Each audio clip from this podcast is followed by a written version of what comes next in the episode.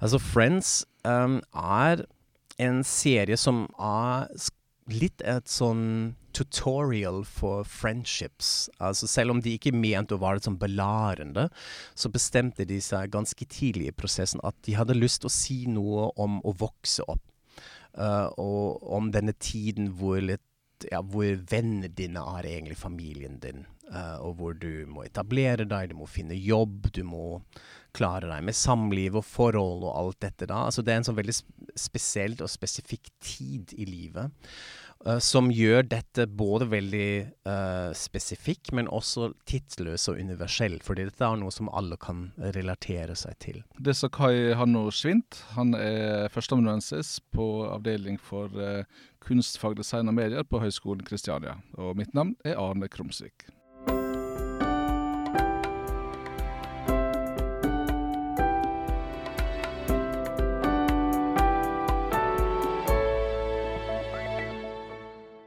Det er jo litt ja, flere innfallsvinkler her. Jeg har jo uh, selvfølgelig også vært fan av Friends i, i mange, mange år. En sånn TV-serie som har vært med meg siden jeg var tenåring, egentlig. Uh, og det er litt interessant at man på en måte kan komme tilbake til den igjen og igjen og igjen. Det er på en måte noe som man ikke blir lei av. Som jeg syns var litt fascinerende. Men så, etter jeg ble litt sånn forsker selv og hadde litt sånn begynte å se litt nærmere på TV uh, også, så la jeg merke til at det fins nesten ingenting akademisk om Friends. Som jeg syns var ganske fascinerende, fordi man hadde jo Du har jo no noe om alt. Uh, I hele den selvfølgelig quality TV-debatten fins det noe om alt. Alle formater. Men ikke om Friends. Uh, bare noen sånne få artikler.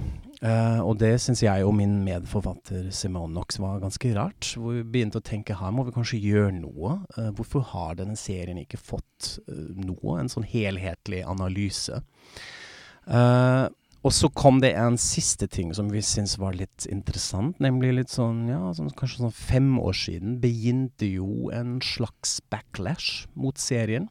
Så til tross for at den er superpopulær verden rundt, at uh, og at Netflix brukte millioner av dollars for å kjøpe den inn og renew uh, lisenser osv. Altså høyest binged uh, serie på Netflix. Så kom denne backlashen. Altså, den serien kan vi ikke se på lenger nå, i 2016, eller hva det var. Den er homofob, den er transfob, da er det fatshaming, den er utdatert. Det blir en sånn voldsom kritikk mot den. Og så tenkte vi ok, det må vi på en måte se litt nærmere på. Uh, fordi selv om det er uh, jo noen, kanskje noen problematiske områder med serien, så, um, så virker det litt sånn overfladisk å bare sånn kaste den ut. Fordi det er jo åpenbart noe der som fungerer utrolig bra. Så det var en blanding av å finne ut eh, oppskrifter. Hva var det de klarte, serieskaperne, som, eh, som, førte til at det ble en så stor suksess? Også noe som var litt tidløs. Og det andre var hva av det med det backlashet? Hvorfor føler man at det er et slags behov for å slakte serien eh, nå eh, i dag? Og så var tanken født, og så sa vi vi må gjøre dette. Uh, og så pitcher vi konseptet til uh, Palgrave Macmillan uh, i UK. Og det var også litt spesielt, fordi det tok ikke et døgn, så fikk vi svar. Så sa de ja, herregud, hvorfor fins det ingenting om Friends? Vær så god, kontrakt. Go. og da var vi i gang. Hvordan er det man angriper et sånt prosjekt? Hvordan kommer du i gang? Ja, veldig godt spørsmål, fordi det er selvfølgelig supermye man kan få tak i. Altså først tenkte vi litt sånn Hva har vi egentlig lyst til å se nærmere på? Uh, og da var dette selvfølgelig litt preget av vår egen bakgrunn. Altså Simone er en kanskje litt mer sånn klassisk TV-viter som har uh, skrevet analyse av ulike TV-serier og sett på format, adopsjon og sånne ting. Det har jeg også vært litt borti, men min innfallsvinkel er jo for det meste humor. Uh, jeg skrev doktorgraden min om The Office og adopsjoner av The Office til ulike land. Um, så jeg hadde veldig lyst til å se nærmere på hvordan fungerer egentlig humor uh, i serien. Så jobbet vi, uh, jobbet vi, oss egentlig litt derfra at vi tenkte humor er jo et litt sånn sammensatt uh, diskurs i serien. Den består på en måte av det som blir skrevet, altså av manus, men det har også noe med performance og skuespill å gjøre. Og så la vi merke til at uh, skuespillerne i Friends har egentlig ikke fått så mye oppmerksomhet. Uh, de, ja, de er flinke, og de fungerer som karakterene, men man har ikke sett nærmere på det. Uh, og så har man det stigmaet mot multicam-situasjonskomedier også i forskningen. At man mener ja, dette har uh, dette er sånn zero style, som en forsker sa. Dette er ikke noe dybde. Dette er sånn overfladisk, veldig teaterbasert skuespill.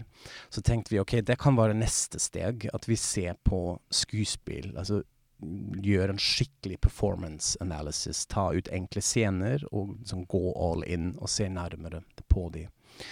Og apropos det med zero style, da var vi litt sånn Ja, hva er det egentlig med den estetikken? Uh, det er jo noe her som som føler oss til å At vi får lyst til å henge med den, og henge i disse leilighetene og være med i, i den serien. Så vi må kanskje se litt nærmere på scenografi, og hvordan ser den ut? Hva er det med fargegiving, med lyssetting og alt det der? Uh, og så hadde vi egentlig allerede sånn tre kapitler. altså Det var på en måte tre, tre knagger som uh, vi tenkte vi kan henge analysen opp på. Uh, og så var det det med backlash. Uh, vi vil jo se litt på de kritiske og liksom problematiske um, områdene i serien. Og, og f.eks. en kritikk som de fikk allerede da serien kom på 90-tallet, var denne veldig blenda hvite castingen. Så her har man en serie som er uh, sett i New York, uh, i en sånn melting pot, og alle er hvite og har leiligheter som egentlig ingen har råd til, og alt det der. Og da sa jo serienskaperne OK, vi, vi må kanskje gjøre noe, få med noen afroamerikanske karakterer og sånn. Og da tenkte vi dette må også være et kapittel. Vi må se hvordan funker representasjon uh, i serien. Og så ble siste kapitlet egentlig å se på Friends verden rundt. Altså prøve å analysere litt nærmere. Hvorfor har den fungert uh, over hele verden? Uh, hva er det da med Er den så universell? Uh, at den funker overalt. Hva sier det om kvaliteten? Er det, er, det, er det, en kvalitet, eller er det egentlig motsatt? Um, så da hadde vi litt sånn strukturen. Og så kom vi ganske tidlig i prosessen egentlig på det vi mente er det oppskriftet. Hva, hva er dette som har ført til at serien fungerer så bra? Og det kalte vi for uh, intimitetsstrategien som serien følger. Gjennom alle disse ledd. Humor, performance, scenografi, uh, men også litt sånn rammeverk uh, rundt serien. Så det er noe der som, som ja, hvor serien, hvor formatet oppnår en slags intimitet med seeren. At man har lyst å uh, henge med dem og vare med dem. Uh, og det kan jeg jo kanskje snakke litt, mer om etter hvert, men en ting som var også viktig for oss før vi satte i gang, var å um, snakke med serieskaperne. Uh, fordi uh, det fins jo selvfølgelig alt uh, mulig metodikk hvordan man kan gå frem, men vi følte at dette er også et sånn kjennetegn ofte av en del TV-forskning. At man um, legger ikke så mye merke til på in den industrielle konteksten. Altså hva Hvorfor blir det sånn? det har kanskje vært litt umoderne å bry seg om intensjonen til de som lager en, en, en, tekst som man skal analysere? Ja, i hvert fall føler jeg litt i den uh, i humaniora. Uh, jeg kommer litt fra en sånn blandet uh, forskningstradisjon og har også jobbet på feltet selv. jeg har jobbet som journalist, jeg har jobbet som manusforfatter og regissør, og jeg syns alltid at dette er på en måte den andre siden av medaljen som man burde ta med. Det er jo selvfølgelig endproduktet man ser på. Men det er så mye relevant som man finner ut når man har muligheten til å snakke med dem som har laget dette. Men så av dette jo har friends, og dette var ikke så lett å, å, få tak i disse folka. Uh, vi bestemte oss ganske tidlig i prosessen å ikke prøve å få kontakt med skuespillerne, fordi de er superstjerner, og dette er et sånn agenthelvete i USA prøver prøve å komme frem. Men vi hadde litt flaks, fordi uh, Martha Kaufman, som var den ene uh, serieskaperen, den ene showrunneren, var i, i, Oslo i 2018. Hun var gjest på Nordiske seriedager. Og da stalka vi henne skikkelig, og fikk til slutt uh, kontakt med henne. Og så var hun også så interessert i at vi prøver et sånt prosjekt, som er veldig sånn akademisk. Um, at hun sa OK, vi må ha litt mer tid. Uh, vi må skype, og vi må snakke litt mer. Så snakker vi også med Kevin Bright, som var den andre. Uh, produsent, og, som har også regissert masse. Vi fikk tak i Uh, person som lagde set-design, og en uh, regissør av serien James Borrows, som er en sånn regi, sitcom-regilegende i USA. Altså, han har funnet på Cheers og uh, store sitcoms um, som vi også fikk muligheten til å snakke med. Og da var jeg faktisk litt starstruck, det må, må jeg innrømme. Uh, men det var da altså på en måte det som blir da empirien, at vi hadde ja. Hva, hva fikk dere ut av det å gjøre disse intervjuene som dere ikke hadde fått uh, sett eller visst hvis dere bare forholdt dere til selve serien? Ja. Det som fascinerte meg kanskje mest, er å høre nettopp om denne produksjonskonteksten. Altså at de hadde egentlig eh, ikke en hel, men nesten en uke for å produsere én episode. Uh, selv om de var en, noen av de største NBC primetime-formatet på den tiden, så var det vanvittig tidspress.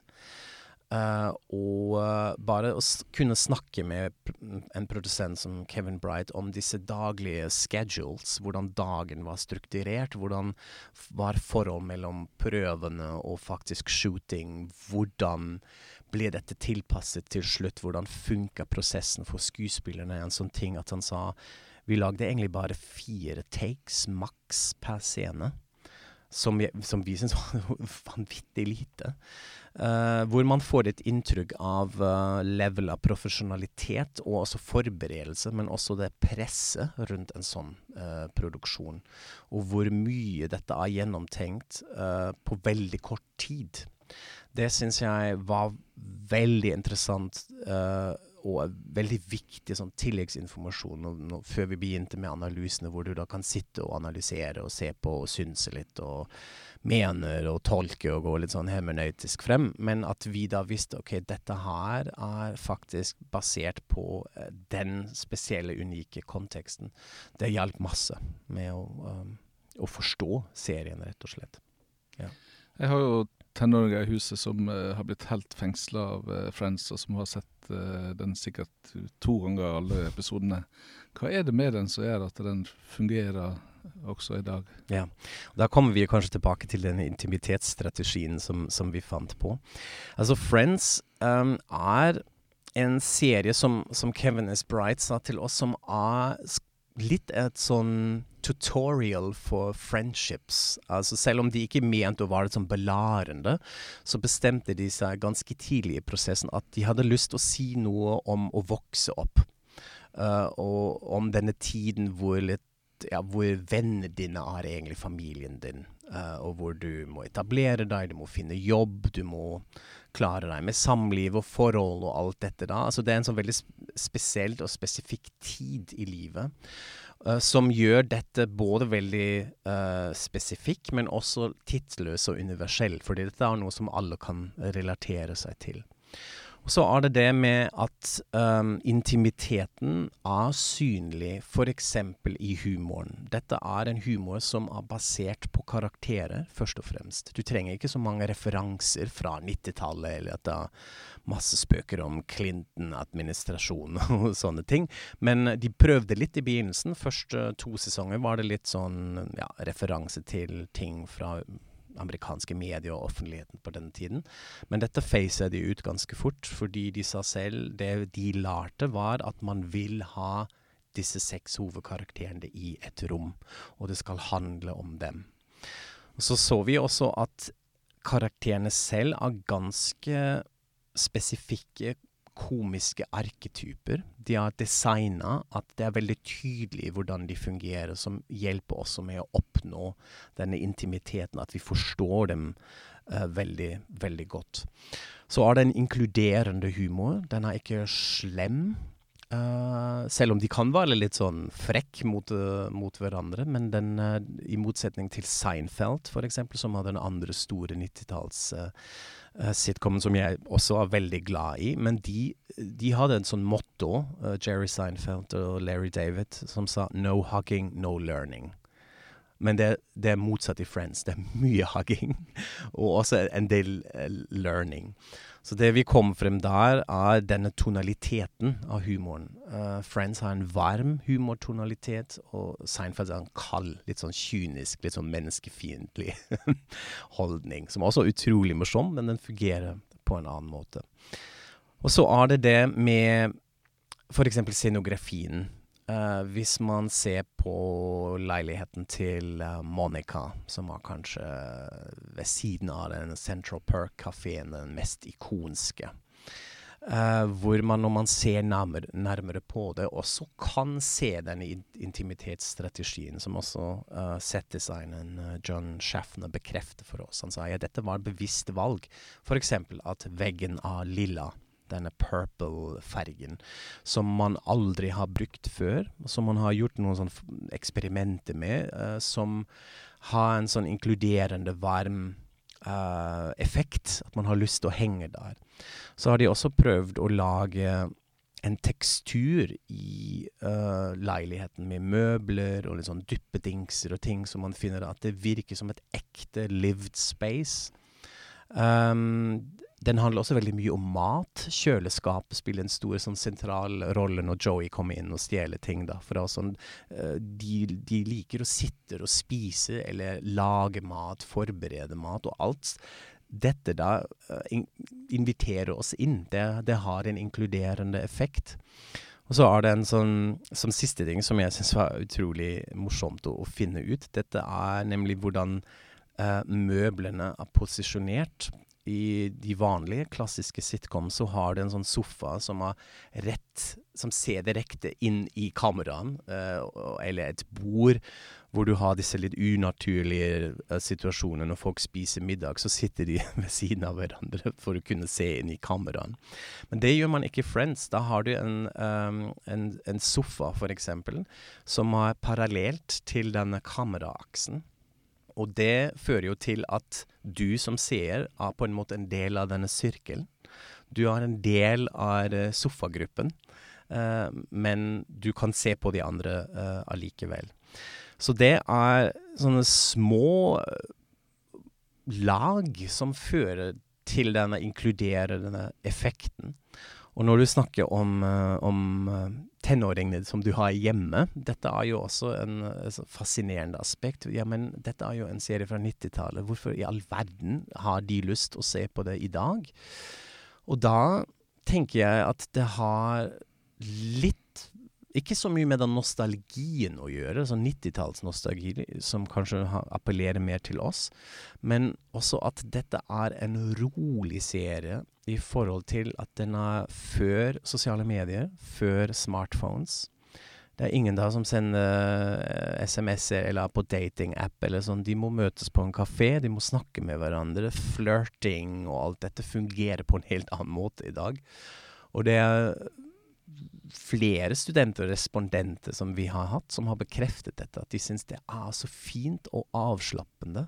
At dette er ikke en sånn social media overkill, også i estetikken til serien. Og jeg tror det er en av de grunnene at det appellerer til mange unger i dag òg. Det blir på en måte en helt uh, annen type virkelighetsflukt enn kanskje det dere hadde tenkt på, de som lagde den? Ja, absolutt. Altså at, man, uh, at det er en slags safe space uh, for, for alt dette.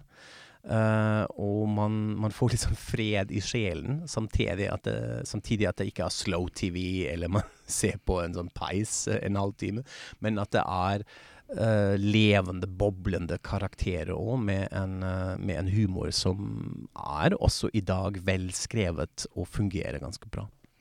Du nevnte at den, den gjør et forsøk på å lære bort noe. Hvordan gjør den det uten å bli altfor påtrengende? Ja, det, jeg tror det er nettopp da humoren kommer inn i bildet. At uh, humor som en diskurs uh, generelt i samfunnet uh, har jo denne funksjonen at du kan på en måte smøre budskapet litt.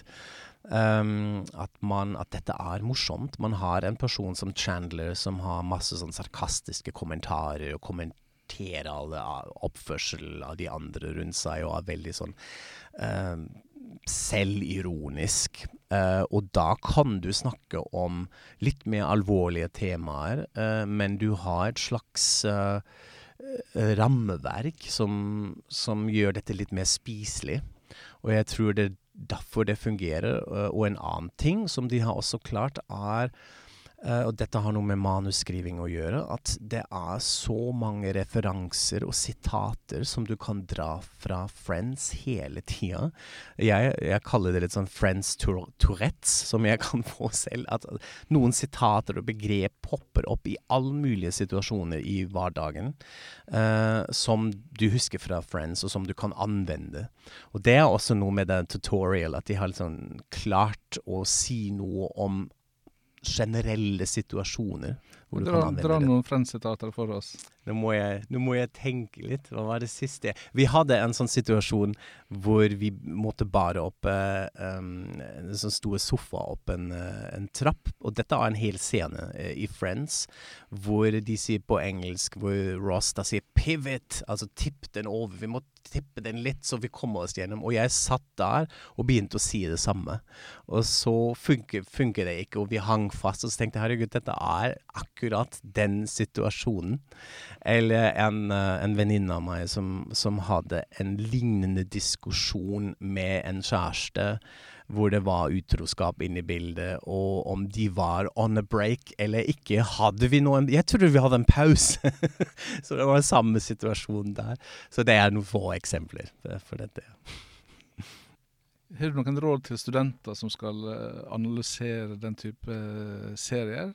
Ja, altså det er jo uh, også et poeng som vi uh, prøver å fremme med en sånn analyse. fordi vi, man får jo ofte spørsmål ja, hvorfor trenger vi en analyse av Friends uh, i dag, bortsett fra at det er gøy å se på hvordan den har skrudd sammen.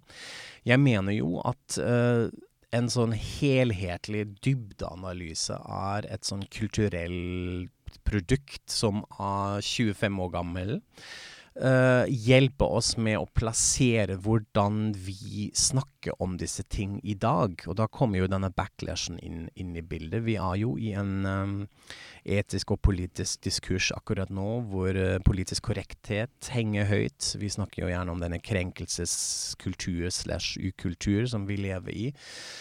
Hvor man kan havne på litt farlige veier, mener jeg. Altså, det er en tendens at vi i dag bedømmer uh, underholdning og kunst uh, utelukket etter om den er moralsk god. Og er dette riktig her? Har vi lov å se på dette? Har vi lov å, å, snakke om dette?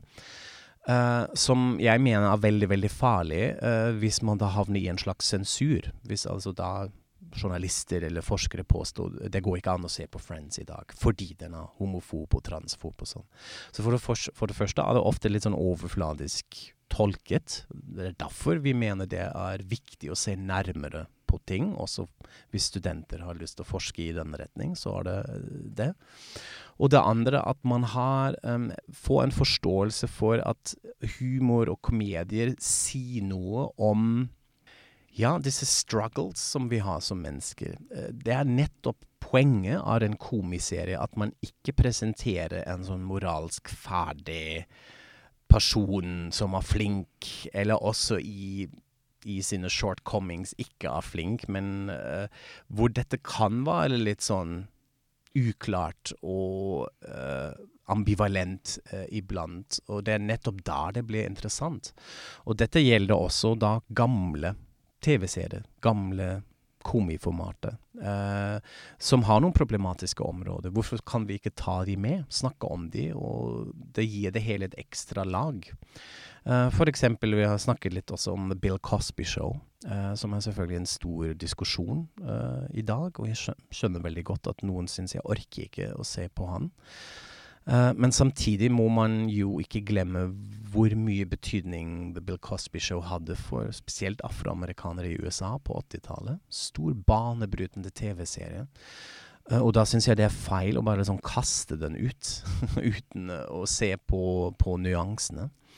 Og dette er også noe vi prøvde å poengtere med, med Friends-boka, med å analysere en sånn serie veldig nøye og gi den kontekst for å kunne forstå den. Du er fortsatt venner av Friends? ja, absolutt. Og det er jo en, en annen ting som var veldig fascinerende. At vi ikke ble lei av å se på det mens vi skrev boka. Fordi jeg trodde nå ha, Det hadde jeg litt med The Office under doktorgraden. Uh, at jeg tenkte ja, jeg skal aldri se på dette igjen. Ever. Men med Friends, jeg kunne se på det for å slappe av. Ikke i de mest sånn sluttfaseperioder. Da var jeg faktisk litt stressa fordi man oppdager noe nytt hele tida. Men det funka som en slags comfort food og avslapping også der. Så da har de klart noe. Uh, det funka.